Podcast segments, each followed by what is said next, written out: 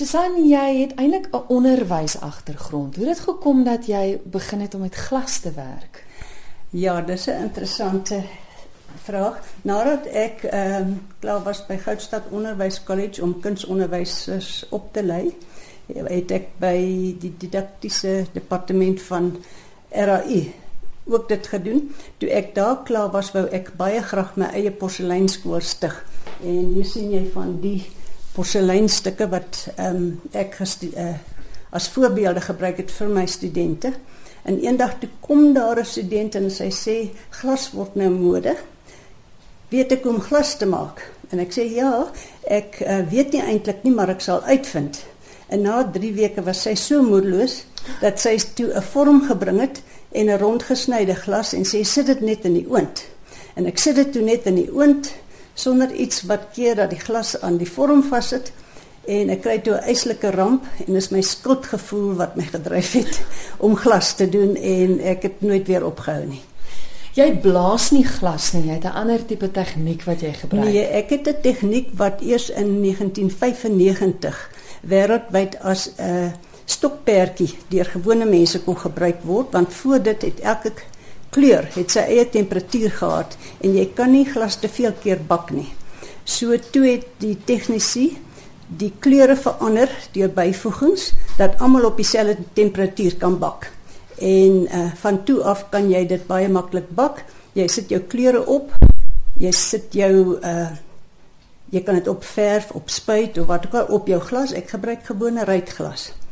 En uh, dan sit jy dit in jou vorm wat eers bietjie met 'n uh, medium wat keer dat hy vassit aan die vorm geverf is mm -hmm. en sit dit in jou oond en uh dan vorm hy binnekant in die oond smelt hy uh gedeeltelik en jy het 'n goeie kontrole in jou oond daarvoor nodig en as jy uithaal is dit 'n bak so jy Dis 'n veilige metode vir enige persoon. Jy het niks te doen met warm glas nie. Ehm as jy nie kan glas sny nie, wat meestal die geval is van my studente, dan sny ons dit vir jou en jy rangskik eintlik net goed daarop of uh jy dekoreer dit soos jy wil. Ek het baie voorbeelde van tegnieke.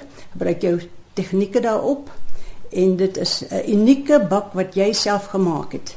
Want dis byvoorbeeld nou soos jy vat glaskraletjies, jy pak dit op en daai glaskraletjies smelt in die glas in ja, in die wind. Ja, jy sal sien ek doen dit baie. Hmm.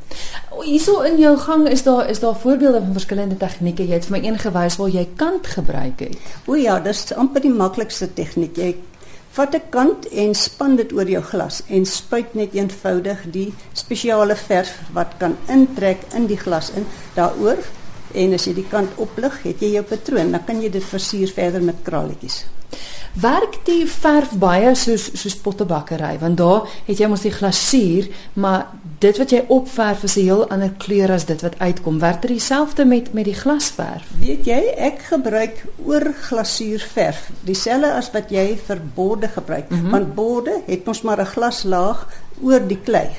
En uh, glas het net meer glas, so jy kan dit dikker aansit. Hy het meer uh glas waarin die verf kan trek. So dis dieselfde. Jy gee nou nog steeds klas. Jy oh, het 'n ja. klomp studente. Ja. Ja. Is dit is dit mense in die omgewing wat klasse bywoon of ehm um, baie keer waar kom baie van die stede af, daar kom dat al van Suidwes 'n paar gekom van die Kaap af. Ehm um, dit is van oral af. Ons staan nou hier in die vertrek waar al die kreatiwiteit plaasvind, maar jy het vroeër vir my vertrek gewys waar die oonde is. Kan jy gou vir my 'n bietjie gaan vertel van die oonde? Ja, ek het 5 oonde. Mense het nie so baie oonde nodig nie, want partykeer het ek groot groepe en omdat ons in Bakkerstroom is en die mense vir 'n naweek kom, wil ek graag hulle goed klaargebak hê voor hulle die naweek weggaan en dan het ek baie oonde nodig.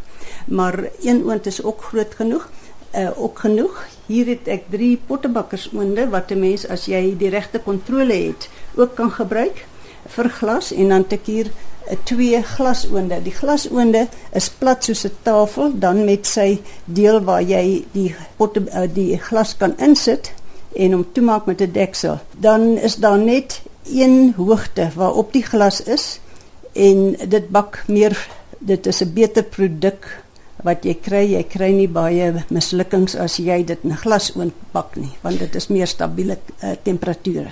Teen hoeveel grade word die glas gebak? Elke oond verskil so bietjie, maar hierdie oond wat jy hier sien, bak ons nou op 750 tot 775. Mm. Celsius. En ek, en ek neem aan hy moet ook so lank vat om af te koel soos soos pottebakkers. Ja, hierdie hierdie ene, jy moet nog langer vat want glas is baie gevoelig vir temperatuurwisseling. Hierdie een vat 24 uur. Hierdie groot pottebakkers oond vat 48 uur. Genigtig se leeftyd. Dit is ja, dit vat nie die hele tyd elektrisiteit nie, maar is die tyd wat hy nog vat om stadig af te koel. Ek sien nou hier in die oond is daar een wat sulke spiraaldraadjies in het. Is, is dit draad wat ingesit is, is wat gesneld het? Koperdraad tussen twee laag glas. Dit kan wel. Jy kan metaal tussen die twee laag glas sit. Daar's seker geen perke aan kreatiwiteit nie. Jy kan jy kan seker baie doen. Vind jy nog dat jy partykeer op iets afkom wat jy nie aan gedink het nie en dan elke dag en wat ek nog baie van leer is die kreatiewe mense wat hier kom, die jong mense met hulle vreeslike interessante idees. Dan steel ek maar so 'n bietjie met my oog en ek probeer dit uit en daai nag slaap 'n mens nie. Jy dink net al heeltyd aan nuwe goed. En as die oond oopgaan met jou goed daarin, dan kan jy die volgende oggend die vroeg genoeg uit die vere uitkom om oop te maak en te sien wat dit ek nou nie. En na 12 jaar is dit nog dieselfde gevoel. Mense wat Wakkerstroom besoek, hoe maak hulle om by jou uit te kom? Ehm um, ek het 'n webwerf www.glassartstudio.co.za en hulle kontak my daardeur of hulle kan by Wakkerstroom se info hoor wat is hier en uh miskien hoor hulle sommer by iemand wat hier was.